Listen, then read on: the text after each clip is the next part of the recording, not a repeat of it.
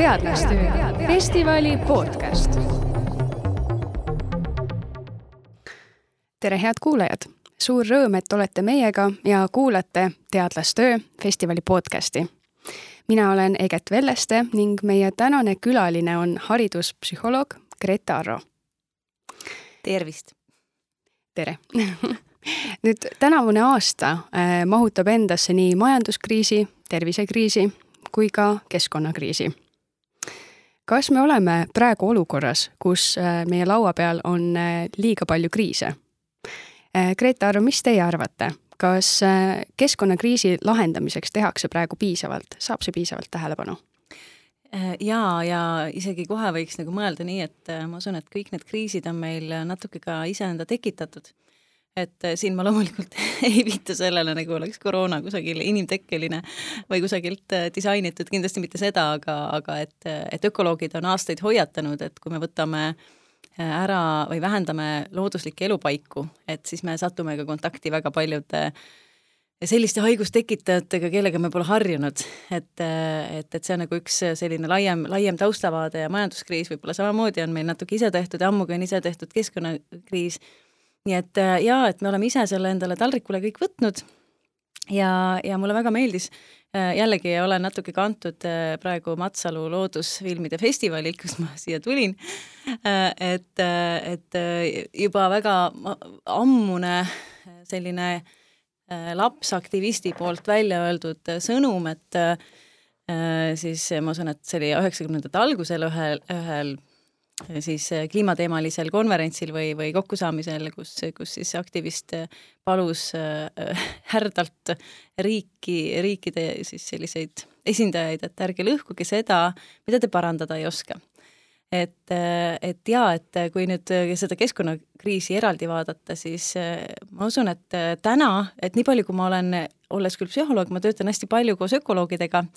ja kui vaadata või kuulata erinevaid selliseid tõsiseid just elu, elu nii-öelda elustikku uurivaid teadlasi. ja ma usun, et kui, kuivõrd üks keskkonnakriisi fookusi ongi just nimelt elurikkuse kadu, ehk siis me oleme tegelikult hädas täna keskkonnakriisi mõttes kahe asjaga, üks on biosfäär ehk siis kogu meie, kõik meie ökosüsteemid ja teine on siis geosfäär, võiks öelda, et, et kliima, kliimasüsteem, et need on nagu võib-olla niisugused põhifookused. ja noh, loomulikult oleme me ka hädas ka Äh, hüdro, hüdroloogiliste süsteemidega, hädas veega ja muidugi oleme hädas mullastikuga, on ju. et meil on neli suurt kriisi praegu. ja et, et kui kuulata siis teadlasi, siis äh, see, mida nagu nende poolt kostab, on see, et lahendused on olemas. et, et, et paljud teadlased või noh, võib-olla mitte nii paljud teadlased, aga, aga osad teadlased on väljendanud mõtet, et meil ei ole mõtet enam niivõrd nagu uurida, et mis päriselt toimub äh, või, või kuidas üks või noh, loomulikult on, on see kõik jätkuvalt vajalik ja kasulik aga see uurimine ei anna enam uut sisendit sellele, et mida tuleks nagu inimkonnana teha või milliseid käitumisi tuleks muuta, et see, mida tuleks muuta, on ammu teada, see on selge, aga, aga et, et, et ei ole nagu üldsegi küsimust, et, et me ei teaks nagu lahendusi, et ammu juba teame, me lihtsalt ei tea nagu seda äh, äh, nagu seda sotsiaalset võtit, et kuidas seda lahendust äh, siis iseennast nagu teostama panna, et äh, ja noh, teisalt äh, psühholoogina jälle ma tean, et minus on nagu täiesti arutut optimismi selles mõttes, et, et kui vaadata mõningate selliste noh, psühholoogia teadmiste poolt, mis võib-olla ei olegi nii tut-, tuttavad paljudele, et äh, näiteks see, kuidas areneb inimese mõtlemine või inimese mõistestik või arusaam asjadest, mis ei ole vahetult tajutavad, et äh, sealt ja, ja teades, et, et tõepoolest on võimalik õpetada inimesi, kõiki inimesi viisil, et nad hakkavad mingitest asjadest aru saama rohkem nagu selle valdkonna eksperdid äh, ja siis teades ka seda, et äh, täna seda otseselt meie haridussüsteemis ei tehta. Äh, üsna jabura põhjendusega, et selleks pole aega ehk siis milleks siis on, et pinnapealsuseks on natuke nagu, nagu aega palju. et, et siis, siis tekib tunne, et, et jube tore, kui tänase sellise ähm, nii-öelda ähm, ökoloogia või, või selline, sellise nii-öelda keskkonnateemalised teadmised saaks edasi anda nende arukate eh, psühholoogia teadmiste abil. et ja mingis mõttes eh, noh, see minu lootusrikkus tuginebki sellele, et, et ma arvan, et üle maailma igal pool need teadlased aina enam hakkavad üksteisele lähenema ja otsima koos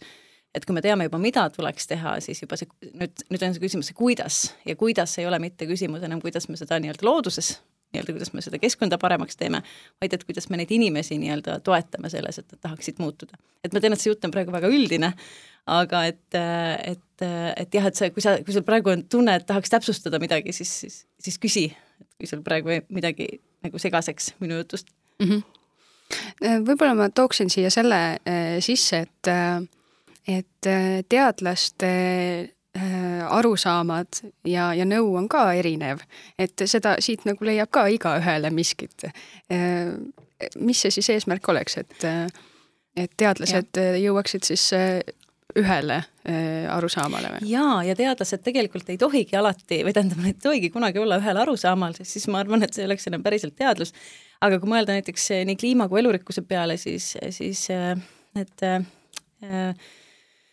valitsustevahelised äh, nii kliima kui elurikkuse paneelid või, või need sellised suured nii-öelda koostöövõrgustikud, et nende, nende poolt kokku pandud äh, raportid, sõnumid ja soovitused on küll üsna konsensuslikud ja hoolimata sellest, et neid üritatakse isegi sõnastada võib-olla sellisel noh, malbel viisil kuigi noh, aina vähem malbel viisil, et, et ma usun, et seal selles laias laastus meil nagu sellist äh, täna mingisugust vaidlust ei ole, et, äh, et kas meil noh, mis seisus on, on, on meie ökosüsteemid ja mis seisus on meie, meie kliima et, et seal on üsna ühemõtteline, et võib-olla jah, on, on vaidlused mingites detailides, aga et, et palju vähem ma nagu, või noh, et me, me kuuleme ka tegelikult võib-olla natuke sellise, kuidas öelda, äh, löök, lööklause või, või sõnakülksuna ka seda, et, et muutuma peavad inimeste väärtused ja hoiakud ja sellised asjad ja käitumine ja harjumused, aga võib-olla sealt on vähem tulnud seda, et kuidas seda siis teha ja mul on mul on nagu tunne, et et, et just nimelt need, nagu see kokkupuude sellise hariduspsühholoogiaga võiks pakkuda mõningaid lahendusi, mida veel pole proovitud või et lahenduste selliseid kombinatsioone. Et, eh, et, et, et noh, see jah, sellel minu teatav lootusrikkus tuginebki eh, siin iga noh, näiteks kliimaraport, mis, mis jälle avaldatakse, noh, on, on, nad on hästi sellise hoiatava, hoiatava olekuga, aga noh,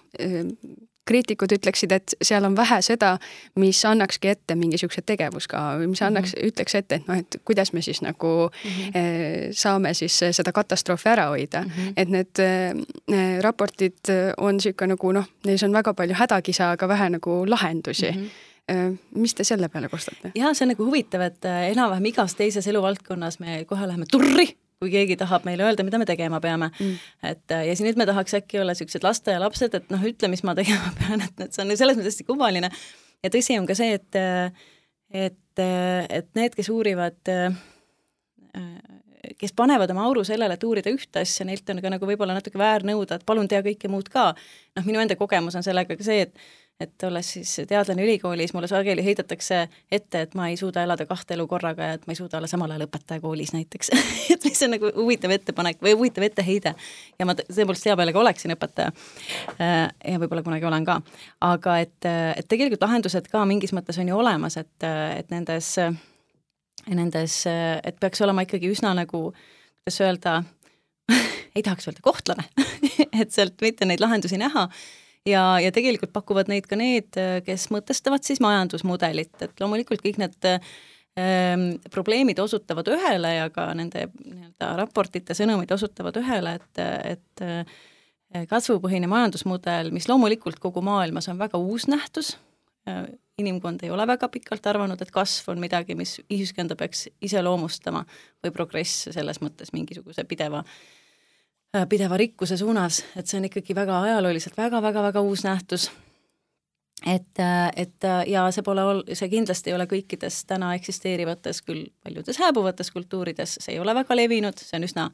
nagu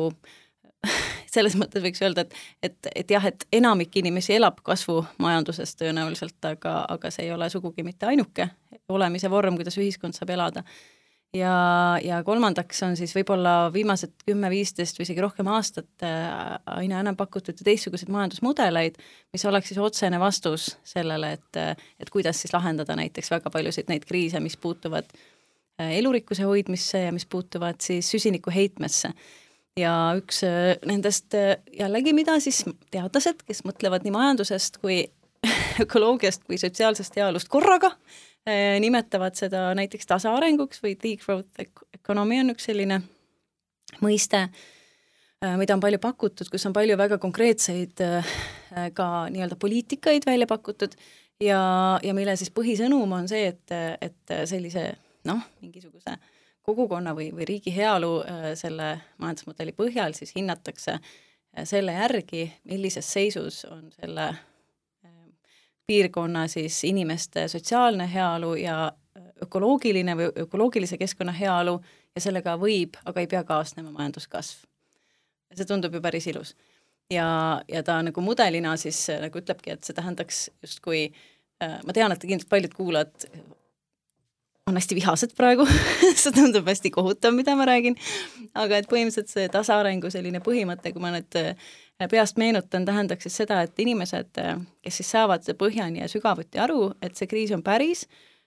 ja, ja kuigi me ei näe nagu täna-homme iseenda katastroofilist äh, hävingut või ühiskonna kokku, kukkumist, see tuleb, see tuleb õige pea, see saab olema päris kole ja et selles valguses, et see saab olema kole, me peaksime täna tegema vabatahtlikult ise vastu võtma äh, siis sellised äh, noh, ähm, just industrialiseerinud, industrialiseerunud riikides, ehk siis nii-öelda nendes, kus, kuhu, mille hulka ka meie kuulume, siis tootmise ja tarbimise sellise radikaalse vähendamise otsuseid. Et ehk siis, et, et, et see mudel nagu pakubki, et et või, või mõtestab, mõtestab äh, lahendust nii, et on, on teatud äh, suhteliselt väike hulk ikkagi inimesi planeedil praegu, noh, võiks öelda, et pigem selline kuldne miljard, äh, noh, eks see ole ka muutumas muidugi, kes tarbib selgelt üle nii-öelda planetaarsete piiride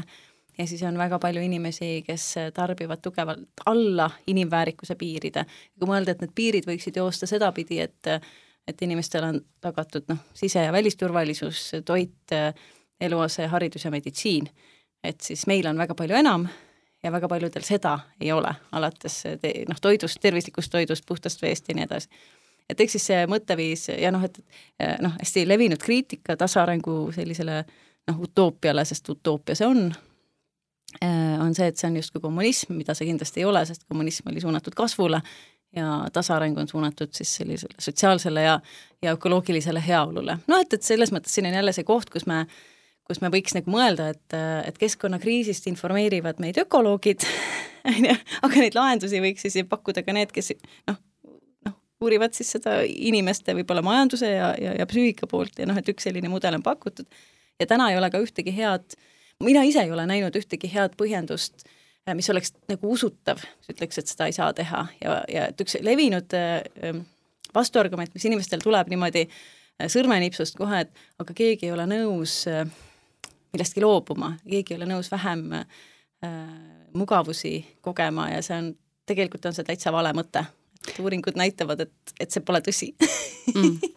aga teisalt, kas ei oleks mitte äärmiselt ka ebapopulaarne otsus, et see on umbes nagu Tallinnas tasuta transpordi äravõtmine, et sa lihtsalt ei saa seda teha, inimesed saaksid nii pahaseks. aga see ei ole otsus, mida keegi teine teeb, selle tasaarengu idee mõte ongi, et inimesed teevad selle otsuse ise, et see on demokraatlik otsus. Noh, see on sarnane otsus, et kui mul on enda majapidamises valida, kas juua täna kogu raha maha või jagada ta äh, portsjoniteks ja tarbida tervislikku toitu kuu, kuu lõpuni, siis võiks küsida, et kui ma ise selle otsuse teen, et kas keegi sundis mulle peale selle tervisliku toitumise. et äh, ei et sa ise, ise nii-öelda valisid äh, pikema äh, elulemuse. et, et selle asja mõte ongi, et kui sa saad piisavalt hästi aru, mis toimub, siis sa teed loomulikult selle otsuse ise. ja see üldistub kõikidele sellistele käitumistele, kus meil on vaja kaugema hüve nimel Äh, kohest naudingut pidurdada, me teeme seda näiteks hügieenis, äh, me oleme kõik võimelised pidama hügieeni ja see on tegelikult üsna uus nähtus, eks ju. et ehkki see on ka ju tüütu, mõtle, pead hambaid pesema õhtul ja võiks ju otse voodisse minna, palju mõnusam. aga inimestel, kuigi hambapesu võib-olla ei ole seotud tohutu ekstaasi ja naudinguga, siis inimesed ilmselt ei tunne, et et, et mind õudselt ahistatakse või keegi sunnib mind seda tegema. et mm -hmm. kui sul on teadmine, mida see pikaajaliselt, et kui toredad on hambad, et, et siis sa seda teed ja sa ei tunne ennast seetõttu survestatuna, ehk siis see muutus on sinu jaoks mõtestatud. sageli toon ka väga sellist drastilist lapsepeksu näidet, et võib-olla aastaid tagasi võis tunduda, et õudselt hea kasvatusmeetod kohe mõjub, eks ju, ja niipea, kui sa ära õpid või aru saad, et, sa kahjustad ikkagi igaveseks oma laste, lapse psüühikat, äh, vägivalla abil või kelle iganes psüühikat, et äh, siis see kohene äh, tore lahendus, et sa seda hakkad suutma pidurdada palju paremini, ükskõik kui vihane sa mingil hetkel oled, et sa leiad endale muu viisi kuidas olukordi lahendada. Ja see ongi see, et kohene, kohene rõõm probleemi lahendamisest äh, asendub siis sellise pikaajalise nii-öelda mõistlikkuse äh, argumendiga. aga et äh, see, et inimesed ei ole nõus vähem tarbima, et, et, et, et miks ma olen selles nii kindel, et nad tegelikult on nõus vähem tarbima, lihtsalt tuleb ühest väga mingis mõttes mahukast uurimuste suunast, kus ongi uuritud seda, et mida, et millised, mille, mis, millised eluväärtused teevad inimesi õnnelikumaks. Ja läbivalt kõikides kultuurides, kõikides vanustes, sotsiaalmajandusliku staatuse gruppides eh, on näidatud veenvalt, et et kui inimese elupüüdlused ei ole seotud rikkamaks saamisega, siis nad on terve elu õnnelikumad, madalama ärevusega, madalama depressiooniga, ehk siis kui need elupüüdlused on seotud millegi muuga kui rikkaks saamine. nii et selles mõttes öelda, aga noh, see ongi see, et see peab tulema nende enda valikuna nii et äh, selge on see, et, et kui inimene püüdleb raha, siis ta püüdleb tegelikult pideva suurema õnnetuse poole, aga ta ise seda ei tea, sellepärast et tema ei saa iseendaga teha katset ja uurimust, kus ta vaataks iseennast ühes tingimuses ja iseennast teises tingimuses. et sellepärast ongi vaja äh, nii-öelda võrrelda ja kõrvutada neid gruppe sellisel äh, nii-öelda välisel vaatlejal. no Äh, te olete sujuvalt või sa olete sujuvalt sisse juhatanud ka järgmise teema ja, ja see on see, et miks mõned inimesed siis käituvad keskkonnateadlikult ja, ja teised mitte, et miks mõni peseb seda jogurtitopsi ja, ja asetab ta sinna õigesse konteinerisse ja teine viskab siis kogu prügi ühtekokku niimoodi lihtsustatult öeldes. just täpselt. Ja oleks veel, et prügi sorteerimine oleks meie suurim keskkonnaprobleem. ja kusjuures ähm, ma pole kunagi kuulnud kedagi ütlema, ütleva, ütlemas, et ma olen liiga ebaintelligentne, et prügi sorteerida et see on nagu, see on nii huvitav mõte tegelikult, et inimesed ei, ähm, et, et noh, tõsi, noh, tõsi on see, et äh, ma arvan, et igasuguse hoiaku või käitumise või väärt, väärtuse kõige sisemine tuum on tegelikult teadmine mingist asjast. Või selline sügav arusaam mingisugusest nähtusest, mis alati ei ole ka meeltega siin ja praegu hoomatav. et, äh, et nii nagu arst suudab äh, oma teadmiste pinnalt teha järeldusi, mida praegu mingisugune, kas mingi patogeen või mingi käitumine või mingi aine võib pika, pikas perspektiivis organismiga teha, ehk siis ehkki see mõju ei ole talle silmaga näha, aga teadmised annavad talle selle nägemise. või nii, nagu füüsik suudab öelda, et kui need ja need jõud kuidagi rakenduvad, et siis tulemuseks on see, eks ju, et ta suudab nii-öelda näha väljapoole tema enda tajuvälja, nii ka suudavad ju Äh, noh, loodustead-, no ühesõnaga, et ökoloogid näiteks näha, et, et mis on mõistlik. et, äh, et, et selles mõttes äh, mul on, mul on ikkagi tunne, et, et see, et täna nagu öeldakse, et inimesed nagu teavad või on informeeritud, mida tuleks teha, mina arvan, et nad ei tea. et teadmisel ja teadmisel on tegelikult suur vahe sees või teadmisel ja sellisel mõistmisel. Et, et ma arvan, et, et need, kes käituvad õigesti täna, on päriselt saanud võimaluse seda asja õigesti õppida. nii et neil on tekkinud sisuline teadmine, sügav teadmine. ja need, kes noh, just nagu teavad, et peaks midagi tegema, tegelikult neil on see teadmine nagu, see on tegelikult olematu teadmine, see on ähmane, see on pinnapealne, see, see võib olla selline, see on pseudoteadmine et kui sul on ikka päriselt teadmine, äh, siis, äh, siis on sul nii ebamugav käituda valesti, et isegi kui sa mõnikord vääratad, siis sa tunned ennast nii halvasti et, äh, et, et sa ikkagi lood endale keskkonna, kus sa ei käituks enam valesti. Äh, erandid on loomulikult sellised asjad, mis tekitavad meile näiteks füsioloogilist sõltuvust, et kui me räägime näiteks alkoholi tarbimisest, noh, või, või sõltuvusest, et siis ei ole nii, siis ma võin küll teada, mis on õige, aga, aga ma ei saa seda enam nagu kontrollida, aga mitte keegi ei ole sõltuvuses prügi ühte kohta viskamisest või, või metsa mahavõtmisest. et, et, et selles mõttes me jõuame nagu sujuvalt sinna, et et, et ma arvan, et et see viis, kuidas me jõuame äh, tähendab, kuidas me inimesi targaks teeme, äh, on äh, natuke puudulik. Ja, ja siit me võimegi ühe hüppega juba jõuda sellisesse ühte minu lemmikteemasse, mis on mu lemmik just seetõttu, et ma ei saa sellest ise ka lõpuni aru, ja mida on siis palju uuritud äh, mõtlemise arengu või sellise mõiste arengu nime all. Ehk siis just nimelt seesama küsimus, et kuidas siis inimene hakkab nägema seda, mida nii-öelda õigeid reeglipäraseid maailma seoseid, mida silmaga tajuda ei saa mida, milleks meil puuduvad nii-öelda kehasisesed mingid mõõste, mõõteriistad, et meil pole mingit ampermeetrit või või, või, või me ei, ühesõnaga me ei suuda mõõta või, või hinnata mingisuguseid nähtusi või, või protsesse, mis näiteks on keerukad, kulgevad ajas, on kuidagi kumuleeruvad, on kuidagi emergentsed, et meil puudub selleks nagu igasugune tajukanal peale teadmiste ja, ja hästi lühidalt öeldes, sa juba saad aru, et lühidalt ma ei oska midagi öelda. Et laused nagu Arnold Rüütel pikad, et, et selleks, et, et päriselt sügavad teadmised saaks tekkida, on vaja, et inimene saaks võimaluse neid ise konstrueerida. ja igasugune õpetus, kus keegi teine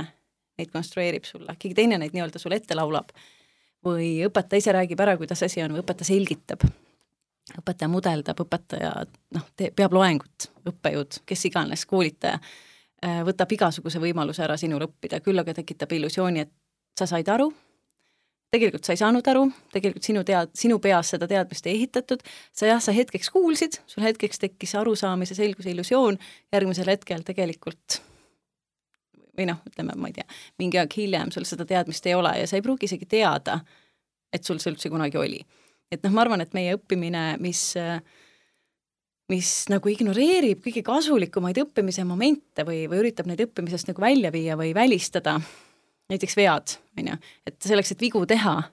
on vaja kõigepealt teha midagi, mida sa ei oska, noh et üritada noh, pusserdada valmis mingisugune lahendus olukorrale, kus ma veel ei tea, mis see lahendus on. kõigepealt pusin ja pusserdan, siis teen vea, siis saan teadlikuks, et ma ei tea, vot sel hetkel on õpe, õppimise hakkamine, õppima hakkamine tõhus. et sel hetkel võiks ekspert tulla ja hakata tasapisi nagu seda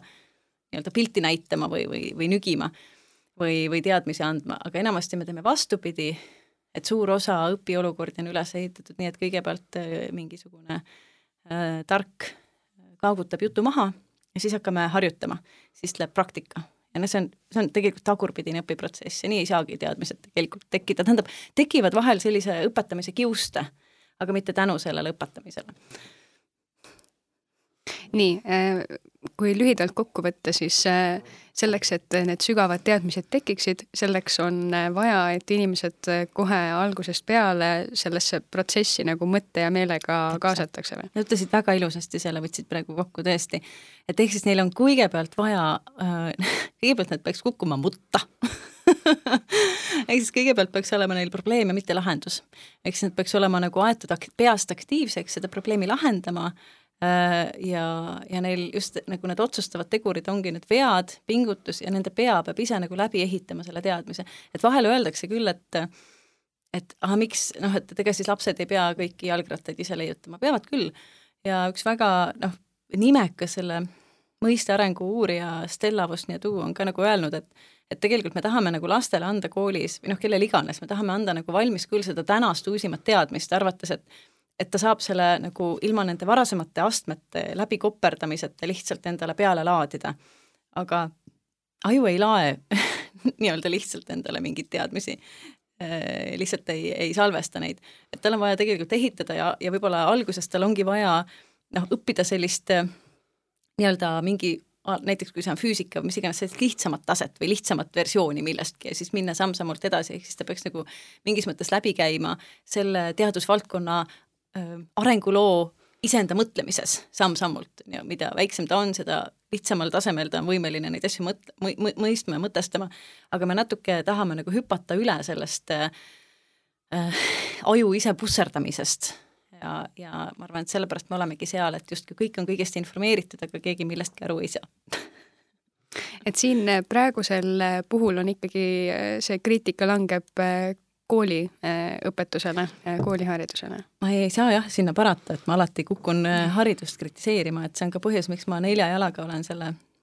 õpetajakoolituse sisse ka ise läinud ja, ja proovin süsteemi seestpoolt õõnestada. aga tõesti, ma ütlen nagu välja mingi asja, jällegi ma arvan, et kuulaja vihastab, aga ma arvan, et, võimalik, et meie erinevatest nagu ainekavadest tuleks väga suur osa lihtsalt nagu ära otsustada ära, et me ei saa seda õpetada, sest kui me ei saa õpetada mitte midagi sügavuti, siis ei ole mitte millelgi mõtet, et meil peaks arusaam olema, et mis on tegelikult need baaskontseptsioonid, kõige-kõige olulisemad asjad, mida jõuab õppida sügavuti, nii et need on päriselt õpitud, mitte pinnapealselt, et me ei tekita pidevat õppimise illusiooni. Ja me teame ka tegelikult teistest uurimustest või mälu-uurimustest seda, et noh, selleks, et mingi teadmine päriselt oleks eh, pikaajalises mälus, ehk siis selline, et seda saab hiljem kasutada ja et oleks ka ülekantav et teda saaks kasutada ka uues kontekstis, mitte ainult selle õpetajaga selles klassiruumis nende ülesannetega. et selleks on vaja ka ühe ja sama materjaliga väga eri nurkade alt, väga paljude pausidega ja uuesti ja uuesti ja hästi mõistlike meetoditega tutvuda. Ja kui me iga teemaga tutvume ainult ühe korra, vähemalt ühes tunnis, no siis sellel ei saa olla mitte mingit mõtet õppimise mõttes, ehk siis noh, see ongi see küsimus, et otsustaks ära, et, et kas me tahame mängida haridust või, või päriselt tahaks, et mingitest asjadest saaksid õpilased aru. Ja noh, ma räägin palju ka selliste noh, teiste rebelitega selles valdkonnas, et, et needsamad ökoloogid, kes ise võib-olla ka tunnevad rohkem hariduse vastu huvi või või selle, selle vastu, et noh, et miks me nagu ei saa seda sõlme lahti arutatud, et pakuvad ka ise välja üsna palju selliseid mis ei ole tegelikult midagi uut, et noh, et ikkagi, et me peaksime nagu leidma viise, kuidas neid näiteks kas või loodusteadustes neid baaskontseptsioone ikkagi nagu ühendatult õpetada. Ja sellest on räägitud lõimingust äh, nagu aastakümneid juba või sellest, et õpetajad võiks koostööd teha, on aastakümneid, aga mul on tunne, et seni ta, ta ei taha nagu vist nagu nii üldisena väga vedu võtta, et ega ma lõpuni ei teagi, miks, aga võib-olla seal taga on ikkagi see arusaam, et, et see ei ole nii oluline Mm. et aga tegelikult eh, noh, samamoodi nii nagu ma ei tea, näiteks matemaatika on ju selline hea keel, millega sa saad hästi paljusid muid nähtusi selgitada, nii ühiskonnas kui ka igal pool muudes protsessides, et et neid matemaatilisi oskusi võiks ju õppida ka mõnes mõttes seostud, seostatuna, on ju, mingite reaalsete kont-, kontekstidega. Ja siis ei ole nende õppimine nii raske, sest nad on juba seostatavad mingite, noh, mingite olukordadega, mingi vajadusega ja nii edasi. Aga jah, et, et see võib-olla tähendaks, ma ei tea jah, äkki koroona pani meil elu pausile, et võib-olla, et, kuidas teha nagu see paus, et teha see süsteem nagu ringi, et ma, seda ma täpselt ei tea kui siin äh, sa arvasid seda, et, et see mõttekäik pahandab paljusid, siis ma arvan, et nooremad kuulajad äh, vastupidi, tunneksid äh, suurt rõõmu selle üle, kui, kui mõni aine siis kaoks õppekavast ära ja, ja, ja terendaks selline mõned noh, kas siis mõnevõrra nagu lihtsam tee või? ja, ja tegelikult ma arvan, et see pole üldse lihtsam, et ma arvan, et mõnes mõttes on nii, et, et praegune ei panegi võib-olla aju täiesti tööle ja ma isegi arvan, et võib-olla pole ükski aine ülearune, aga võib-olla see sügavuti minemise tase on äkki selline, mis ei ole piisav. et, et ma tegelikult tõesti ei tea, et kas, et mis on see, mida annaks välja võtta, minu arust ei anna midagi välja võtta, ma arvan, et ei peaks ka mingit joogasid ja siukseid asju juurde panema, et, et, see ei ole ka oluline. aga et, mitte et mul midagi jooga vastu oleks, aga et, et need põhiained, mis meil on, on kindlasti kõik vajalikud, küsimus on jah selles, et et, et et kui kaua, et noh, et, et kui õpilased näiteks tunnevad, et neil ei jää tegelikult midagi meelde või et nad ei jõua või et neil on tunne, et nad on, et nad küll tahaksid kõiges olla nagu tublid ja head ja saada hakkama, aga nad lihtsalt ei suuda, siis see tunne on väga adekvaatne. kui neil see tunne on, siis järelikult tulebki tõmmata raginal käsipidurit ja, ja noh, et, et õpilasel peaks loomulikult ole, aga noh, et, et tal peaks olema, et noh, ma usun, et paljudel õpilastel on seda tunnet, et, et noh, ma tahaksin minna rohkem süvitsi selles asjas, ma tahaksin, et mul hakkas just mõnus, mul hakkas just põnev nendest asjadest mõtelda. Ma pean selle aine kinni panema ja tormama järgmise juurde, nagu miks, et miks me õpetame seda pinnapealsust, kui me võiksime õpetada seda mõtlemise ja arutlemise ja sügavuti minemise nautimist ja seda, et me arutamegi mingit asja nagu nii, nii põhjalikult, et sealt tuleb aina uusi tahke välja, eks ju. Et noh, et et pigem see võib-olla võtaks nagu ära selliseid teemasid mingis mõttes või, või ütleme, või fakte või mingis, aga et noh, et, et, et, et kui me otsustaks ära, mis igas aines on need päriselt need kõige olulisemad baaskontseptsioonid, mida peaks valdama, et ja tegeleks ainult nendega, siis äkki, äkki läheks midagi, aga kuna mina ei ole ju ühegi valdkonna esindaja, hetkel veel vähemalt, ma küll õpin bioloogiat, aga ma teen seda vaevumärgatavas tempos, et, et siis jällegi seda saavad teha aineinimesed. Ja, ja minu nagu väga tugev tunne on see, et et eri ainevaldkondade inimesed ei pruugi alati olla need, kes teavad täpselt, kuidas aju neid ainevaldkondi õpib.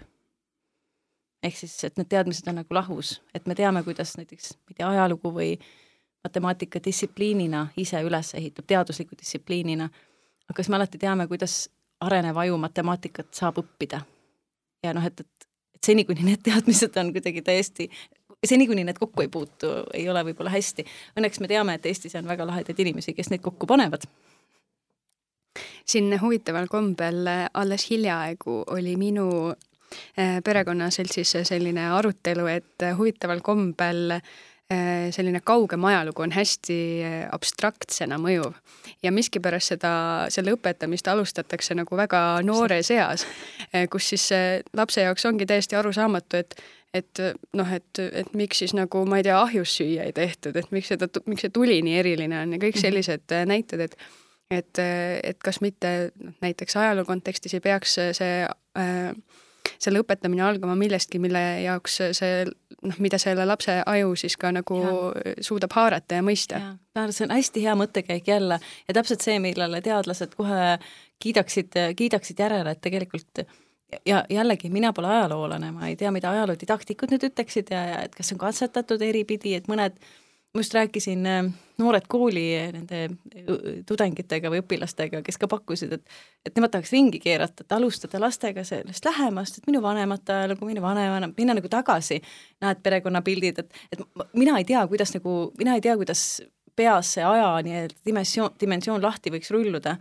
aga tõsi on see, et, et eri, et, et lapsed, eriti kui nad on noh, ütleme sellised enne, enne kümnendat eluaastat või okei okay,, ajalugu ei alga nii, nii vara,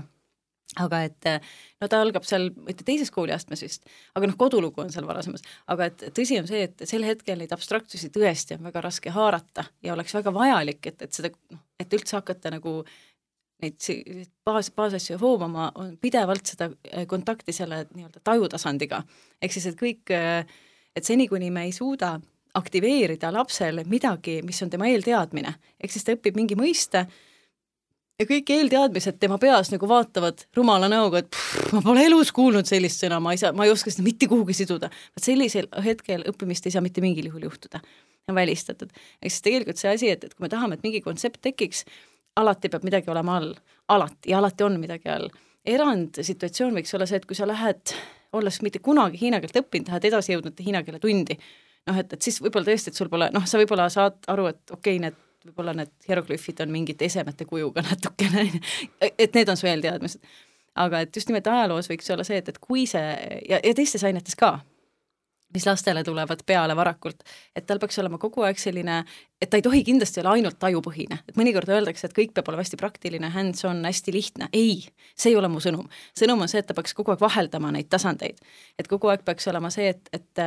me õpime mingit kontseptsiooni, me hoomame seda, on ju, lähme vaatame sammalt, astume sinna, nuusutame, on ju, vaatame luubiga ja siis õpetaja tasahilju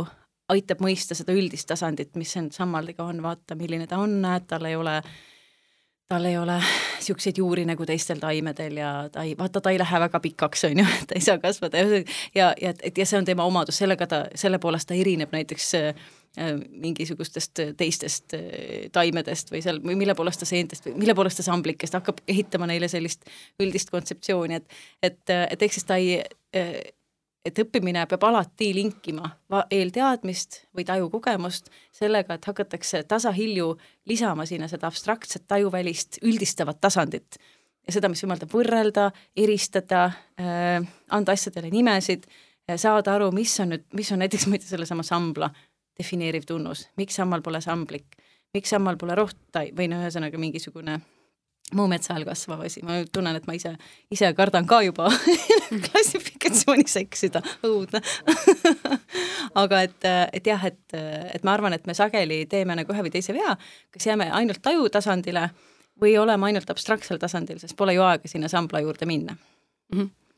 nüüd äh, me oleme siia natuke kõrvalliini äh, uitanud, aga äh, kui ühildada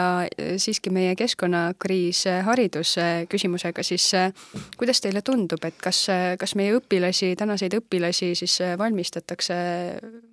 kas nad saavad piisavalt teadmisi ja, ja mhm. oskusi mm, -hmm. et siis selles niisuguses muutuvas maailmas toime tulla? huvitav, ma käisin Matsalus filmifestivalil huvitaval kombel mitmed äh, mitmed filmid tulid nagu Saksa, Saksa-Austria kultuuriruumist. me teame ka seda, et ma, ma olen nagu mõelnud, et mis on selle, et me õpetame seda kriisi hästi, mis on selle mõõdik ühiskonnas. üks mõõdik on see, et me täna teame, et, et mis, meil ei ole üle jäänud kriisi lahendamiseks enam praktiliselt ühtegi head viisi peale äh, keskkonnaaktivismi ja poliitilise aktiivsuse ja kuna lapsed poliitikasse minna ei saa, siis neile on jäänud ainult aktivism. Sest kõik isiklikud käitumuslikud muutused nad võivad ära teha või mitte teha, sellest ei piisa, sest tarbimise vähendamine tootmist ei pruugi vähendada. või noh, üldiselt ei, ei, ei vähendagi. ja lapsed niikuinii ei tarbi, sest nad ei teeni või noh, nad ei tarbi sel, sel moel, kui, kui need, kes, kes raha teenivad. et nende tarbimismustrid on niigi erinevad ja kui siis mõelda, et kui palju on Eestis äh, näiteks kliimaaktivismi või kliimaaktiivseid noori, et ma olen ise alati läinud, kui äh, kliimanoored kutsuvad mind kuhugi kõnet pidama ja siis ma tegelikult näen, et neid on hästi vähe ja ma arvan, et see on meie haridussüsteemi probleem. et äh, kui me õpetaks neid nähtusi päriselt hästi lastele selgeks, siis oleks tänavad neid kliimanoori täis. Või, või ühesõnaga, see proportsioon oleks suurem, väga palju suurem. Me ei näe tegelikult neid noori tänavatel, ei näe neid noh, et, et nad nagu jah, nad nagu näivad, arvavad, et mingid lahendused on olemas ja samal ajal, kui me vaatame paljusid teisi riike, kus on ikkagi need massid on väga suured, kes äh, saavad aru, et, äh, et mitte keegi ei esinda neid, et mitte keegi ei esinda nende tulevikku juba ammu enam, et kedagi, kedagi ei huvita. et, äh, et see on minu jaoks nagu murettekitav. ma sattusin rääkima, ma sattusin ühte olukorda, kus ma küsisin sama küsimuse, tähendab, kus kus tekkis sama küsimus, et kas me õpetame nagu keskkonnaprobleemi lastele hästi ja, ja ma sain nagu vastuseks, noh tegelikult ka kooli esindajalt pehmelt öeldes, et kõik on hästi, aastakümneid me oleme juba õpetanud keskkonnaprobleeme väga-väga hästi. ja siis ma küsisin, et aga noh, et ma ei näe nagu sellist aktiivsust noorte hulgas ja siis ma sain vastuseks, et ei, ei, nad ei saa ikkagi nendest asjadest aru või et nad, kui nad noh, et tänavale ei tasu enne minna, kui nad aru ei saa. siis minul tekkis küll segadus, et õpetame väga hästi, aga aru keegi midagi ei saa, et kusagil on ikkagi siis mingisugune viga. et ehk siis jaa, et mina leian, et meil, et noh, et, et meil on ühesõnaga legaalseid viise, kuidas sundida otsustajaid tegema äh, süsteemi ringi, ongi väga vähe. ja üks neist on siis suur äh, kära tegemine mm. -hmm nüüd äh, teiega on äh, selline kurb lugu, et aeg läheb äh, jõle kiiresti vabandust aga siiski tahaks ühe teema veel siia sisse võtta ja see puudutab seda, et, et kas täheldatakse ka midagi taolist, et, et jookseb ka selline noh, piir Äh, selle vahel, et kuidas äh, adutakse keskkonnakriisi siis nagu ealises kontekstis mm, -hmm. et kas on nagu mingi eapiir, et äh, võib öelda, et näete, vanemad inimesed ei ole nii, nii nagu arusaajad enam või, või ja, ja, ja nooremad on siis nagu tundlikumad neil nendes küsimustes? Jah, kusjuures minul on tunne, et, et nagu ei ole sellist eapiiri, et pigem on see, et mis on kellegi kogemus, et kuidas ta on, kuidas ta on nagu maailma tundma õppinud. Et, et ma arvan, et võib olla täpselt, et ühesõnaga, et täpselt sama tundlikke ja, ja, ja olukorda adekvaatselt aduvaid inimesi kõikides vanuserühmades ja siis ka neid, kes, kes ei adu seda päris, päris nii, nagu see praegu täna, tänasel hetkel on, ja, ja see kõik nii nagu noh, et, et see on jälle see mõnes mõttes hästi lootusrikas sõnum, et see, milline, see, kuidas maailm meie pähe jõuab, et noh, et mida õigemini me maailma mõistame ehk siis õige selles mõttes, et ta päriselt on ka selline, et noh, et näiteks me, keegi ilmselt ei ignoreeri gravitatsiooni ja ei visku aknast välja ja siis me saame jube hästi aru, et kui me õigesti aru saame, siis me käitume õigesti. Ja näiteks ökosüsteemiga me nagu ignoreerime nii-öelda gravitatsiooni, ignoreerime, et ökosüsteemid saavad katki minna teatud, kui me teatud piire ületame. et, et ehk siis see, kas meil tekib see õige arusaam nendest nähtustest, sõltub sellest, et kas me oleme saanud võimaluse äh, neid asju õppida ja neid asju, nii-öelda neid kogeda ja neid, nende üle oma peas piisavalt mõtelda. ja see võib olla ükskõik, noh, ühesõnaga, et see sõltubki sellest, et mis elugu või noh, mida, mida keegi on kunagi õppinud. ükskõik, kes, kas noorena või vanana, ükskõik, kas ta on Greta Thunberg või ta on või ta on äh, täna kaheksakümne aastane inimene, et lihtsalt see, et kuidas, mida noh, mida ta õppinud on, kuidas ta on saanud õppida. ja no siin ongi see, et, et, et ma arvan, et see tänase hariduse või või noh, ka laiemalt võib-olla kommunikatsiooni häda ongi see, et me tahame hirmsasti teavitada ja inimesi nagu pinnapealset info sisse kasta, aga me ei teadvusta, et see on õppimisest kaugel nagu kuu maast, et see, et keegi meile saadab sõnumeid, teeb aina kaunimaid kampaaniaid, aina ilusamaid artikleid, aina põnevamaid podcast'e et sellest tegelikult, et, et mida vaja on võtta see aeg, et nende asjade üle mõtelda, tulla tagasi, kakelda eksperdiga, vaielda, arutada ja et, et nagu seda kogemust oma peas nii-öelda korrastada, et ja selleks aega võtta. Et, et, et kui seda aega ei ole, siis, siis ikkagi teadmist, et ma arvan, et iga, iga kuulaja võiks enda peas mõelda praegu, et aga mina olen küll kunagi äh, kuulanud mingit loengut ja saanud sellest ahhaa-elamuse ja saanud targemaks. mina väidan, et nii ei ole. kuulasid loengut, aga sa loengust ei saanud targaks, vaid sellest, et sa läksid ja mõtlesid selle asja üle sa läksid, mõtlesid duši all ja enne magama jäämist ja sa rääkisid sõbrale ja ehk siis meelde jääb see, millest sa mõtled. ja see, mida sa kuuled, sageli me kuuleme palju asju me hiljem ei tea isegi, et me oleme neid kuulnud ja kui me ei ole neist mõtelnud, siis nad tegelikult meile meelde ei jää mm. -hmm. nüüd äh, siin vestluse jooksul äh, sa mainisid ka seda, et, äh, et äh, et meil on äh, kõik võimalused iseenesest äh,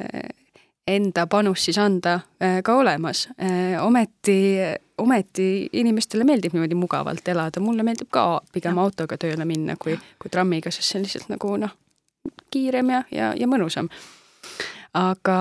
kas selle võibki siis seostada äh, vähese mõtlemise vähese mõtlemise nagu kausta siis või? jaa, kusjuures mina tõesti arvaks, et see on nagu, et, et ma ei ole nagu, ma ei ole neid teadmisi endast niimoodi läbi valutanud ikkagi siis ja tõesti, ka mina tunnistan, et autoga on mugavam minna tööle kui rattaga, mina käin rattaga. ja, ja, ja täpselt samamoodi võiks öelda, et kui sul on näiteks laps haige, siis mugavam on lasta tal karjuda äh, ja magada oma voodis rahulikult. Ja ebamugavam on teda põetada ja üldse lähedasi aidata, kui nad on hädas, on palju mugavam on panna silmad kinni ja ignoreerida neid. aga millegipärast me seda ei tee, ma arvan, et me ei tee seda mitte kunagi et äh, me alati valime äh, selle ebamugavama ja näiteks mõni käib näiteks tervisejooksu tegemas, kuigi see võib päris ebamugav olla, mõni käib trennis, mõni käib tali ujumas. mõni käib tali ujumas, mõni õpib keerulisi asju, et me teeme hommikust õhtuni äh, raskeid asju, nii et vähe pole. ja miks? sellepärast need on meie enda vaatenurgast sügavalt mõtestatud ja väärtuslikud. ja selle asjad, tähendab, ongi, et inimesed ei otsi mugavust, inimesed otsivad mõtestatust. me vajame mugavust teatud piirini loomulikult aga et kui me mõtleme, et kui vähe me tegelikult vajame selleks, et oleks mõnus ja mugav, vajame tervislikku toitu, mingid riided, mis koos püsivad, eks ju, äh, ja, ja kodu, mis, mis, kus on soe ja hea olla, aga ta ei pea olema selleks kahesaja viiekümne ruutmeetrine, eks ju, seal ei olegi nii hea, sest see läheb segamini ju. et, et me vajame tegelikult küllalt vähe ressursse, aga me vajame kindlasti mõtestatust ja, ja noh, tõsi on ka see, et kui, et osad inimesed arvavad, et raha annab mõtestatuse ja noh, see järjekindlalt ei anna seda neile. aga et, et jah, et, et see, et ma hakkan selle ratta või, või trammiga tööle minema, see eeldabki seda, et ma olen mõtestanud ära, et see saab olla minu panus, on ju, ja kui see on minu jaoks sügavalt väärtuslik, et mina teen, mina sel viisil äh, vähemalt ei saa keegi siis öelda, et sa ise ei tee midagi, on ju,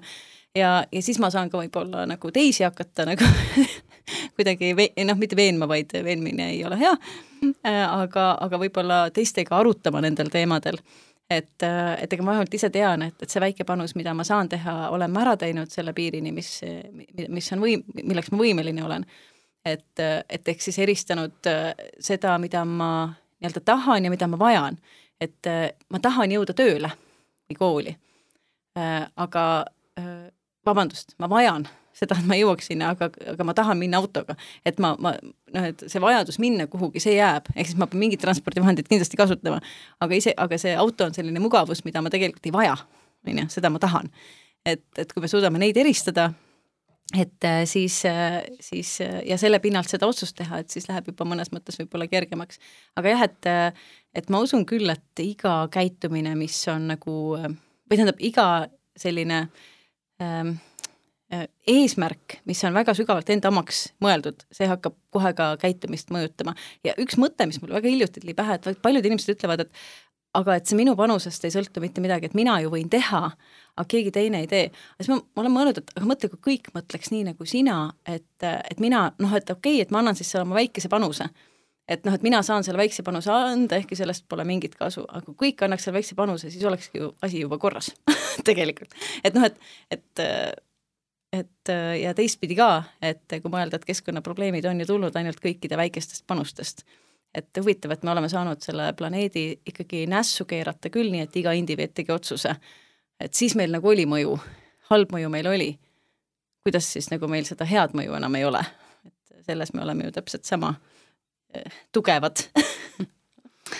aga Grete Arro, suur aitäh teile, et eh, tulite siia stuudiosse ja, ja tõesti suur aitäh teile ka väga põneva vestluse eest. ja, ja samamoodi ka kuulajatele, aitäh teilegi, et olite meiega ja loodetavasti kuulate ka teisi Teadlastöö festivali podcast'e. aitäh kutsumast! jääge meiega, siin on veidi ka jätkujuttu lisaküsimus puudutab eh, seda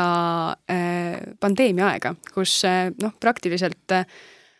kaks õppeaastat on õpilased sunnitud õppetööd tegema kodus mm. -hmm. kuidas see mõjutab nende võimalust omandada teadmisi sügavamal tasandil või põhjalikumalt? kas nüüd Eestis või globaalselt või, või kuidas nagu meil või, või meil või igal pool? Need on ju hästi erinevad olnud, selles mõttes, okei okay,, ma nagu mõtlen, ma ütlen nagu seda, mis ma arvan, et mis võib-olla kehtib nii, nii meil kui mujal, et, et ma arvan, et et see pandeemia tõi välja mingid puudujäägid, mis meil on kogu aeg olnud, aga mida me ei pidanud oluliseks, näiteks me ei pidanud oluliseks seda, et õpilased tegelikult võib-olla ei väärtusta väga paljud aineid iseeneses, on ju, et nad ei, tegelikult ei ole kunagi sattunud olukorda, kus nad peaks selgeks mõtlema, miks ma seda ainet ikkagi, miks see mulle oluline on, miks see mulle väärtuslik on, ehk siis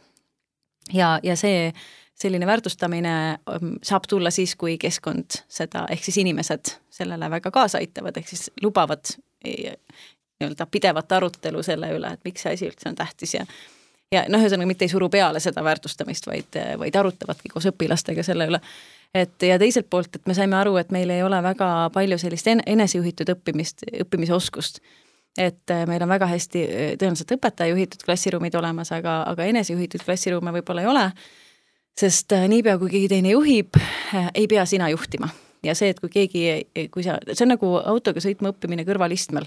et ma ei usu, et keegi on kunagi sõitma õppinud kogu aeg jälgides, et keegi kõrval, aa, see on lihtne. ja sama on juhtinud selle, juhtunud selle enesejuhitud õppimisega, et lapsed on pidevalt olnud kõrvalistmel ja see, et keegi sind juhib, see absoluutselt ei aita kaasa sellele, et sina õpiks ennast juhtima. ja see võib selle nii-öelda õpetaja kiuste juhtida, aga mitte tänu, tänu temale. et, et ehk siis äh, ma arvan, et kuna need õppimise enda oskused on võib-olla olnud viletsad, siis on see, kui palju keegi pandeemiast, kes on võitnud või kaotanud, on hästi erinev. ehk siis õpilased, äh, kes on head enesejuhtijad olnud kogu aeg mingil põhjusel, nemad on võib-olla võitnud sellest, sest nad saavad rohkem nii-öelda individualiseerida kogu seda õppetegevust, et äh, ehk siis nad saavad pühendada aega mingitele asjadele võib-olla rohkem või vähem vastavalt soovile, nad võib-olla loovad endale isiklikud väiksed õpikogukonnad oma kaasõpilastest, kus nad koos arutavad ja nad saavad nagu seda õppimist ise rohkem suunata, aga loomulikult nemad vajavad ka eksperti, kellelt küsida ja kellega nõu pidada ja arutada, et seda õpetajast eksperti. et ehk siis osadele lastele võis see kindlasti olla selline nagu mõnusalt arendav keskkond ja osadele, osadele võis ta olla selline, kus nad hakkasid õppima ennast juhtivamaks, kui keegi neid äh, mõnusalt selles toetas. ja osadele võis ta siis pigem olla sel-, selles mõttes hädaallikas, et, et nad tegelikult ei teadnud, mida teha. et, et ennast juhtida, et mitte isegi et nad ei teadnud, kuidas hakata ülesandeid lahendama, vaid et nad ei teadnud, kuidas struktureerida oma aega, äh, oma ruumi õppimiseks, oma, kuidas juhtida oma motivatsiooni, kuidas ennast reguleerida, kuidas ennast tööle panna, kuidas ennast pidurdada, et kõiki neid asju võib-olla üksinda õppima hakata on väga, väga keeruline, nii et mina arvan, et see mõju, pandeemia mõju võib olla täiesti nagu ühesõnaga väga-väga variatiivne ja ma ei tea, ja, ja loomulikult on tehtud ka uuringuid juba päris palju, mis siis ütlevad äh, eri vanusegruppides, äh, kuidas kellelgi on läinud, aga, aga võib-olla sellist pikaajalist mõju me näeme alles, alles tulevikus. et e-, ehk siis lühidalt võiks öelda, et me peaks nagu hästi palju rohkem rõhku panema sellele, et õpilased teaksid hästi, kuidas olla ennastjuhtivad õppijad, et, et, et kuidas, kuidas, kuidas iseenda õppimisoskusi suunata, et mitte, et me mõtleme täna hästi palju õppematerjalist ja õppeainest aga täpselt sama palju peaks mõtlema õppimisest endast ja arutama, kuidas õppimine käib ja seda võib-olla on jätkuvalt liiga vähe. ja kui tohib paluda ka ühe soovituse, et äh, kui siin kuulaja on äh, leidnud, et jutt on täitsa asjalik ja sooviks isegi sooviks isegi midagi siis meie planeedi heaks teha, siis millest, millest ta võiks alustada? väga lahe küsimus. mina alustaks industrialiseeritud riikide tootmise tarbimise vähendamisest olgu see nali, võib-olla seda on, on raske teha. aga et ma arvan, et siin võiks olla nagu kolm asja. üks on see, et võiks ju vaadata iseenda elu peale, et kas ma võiksin elada nii, et et, et, et ma ise julgeksin öelda enda kohta, et mina ei tarbi asju, mida ma tahan, aga ei vaja ja huvitaval kombel sellisel viisil võib inimene saada väga palju õnnelikumaks oma elus. ja, ja et eriti, kui ta keskendub siis asjadele, mida ta nii-öelda ei pea tarbima, vaid keskendub hoopis sellele, et näiteks saada milleski paremaks, õppida midagi ära, hoida oma suhteid, panustada suhetesse ja teha maailmale midagi head et ehk siis, et need on need sellised kolm elupüüdlust, mis on seostatud siis, seostuvad siis läbivalt igal pool õnnelikkusega. ehk siis, et noh, et ja, ja noh, mis ühesõnaga, et sellisel juhul,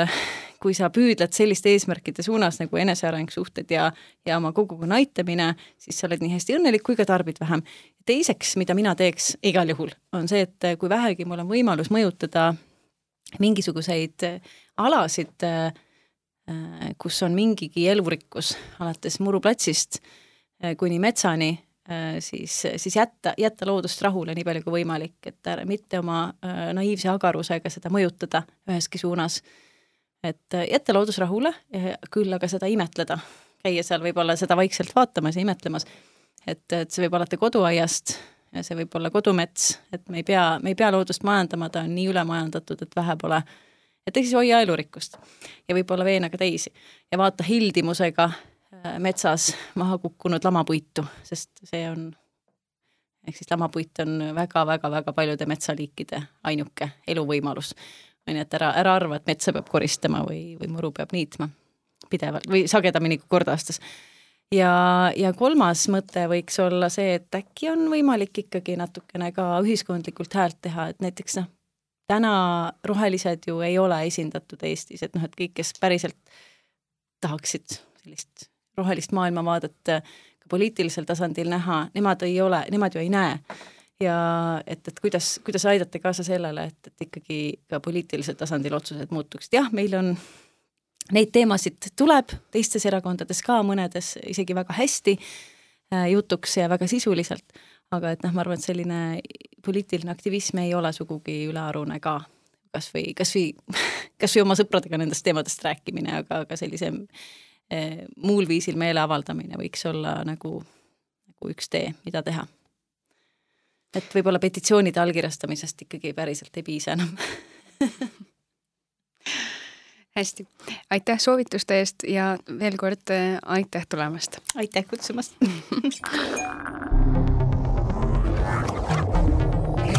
Teadlastöö. Festivali podcast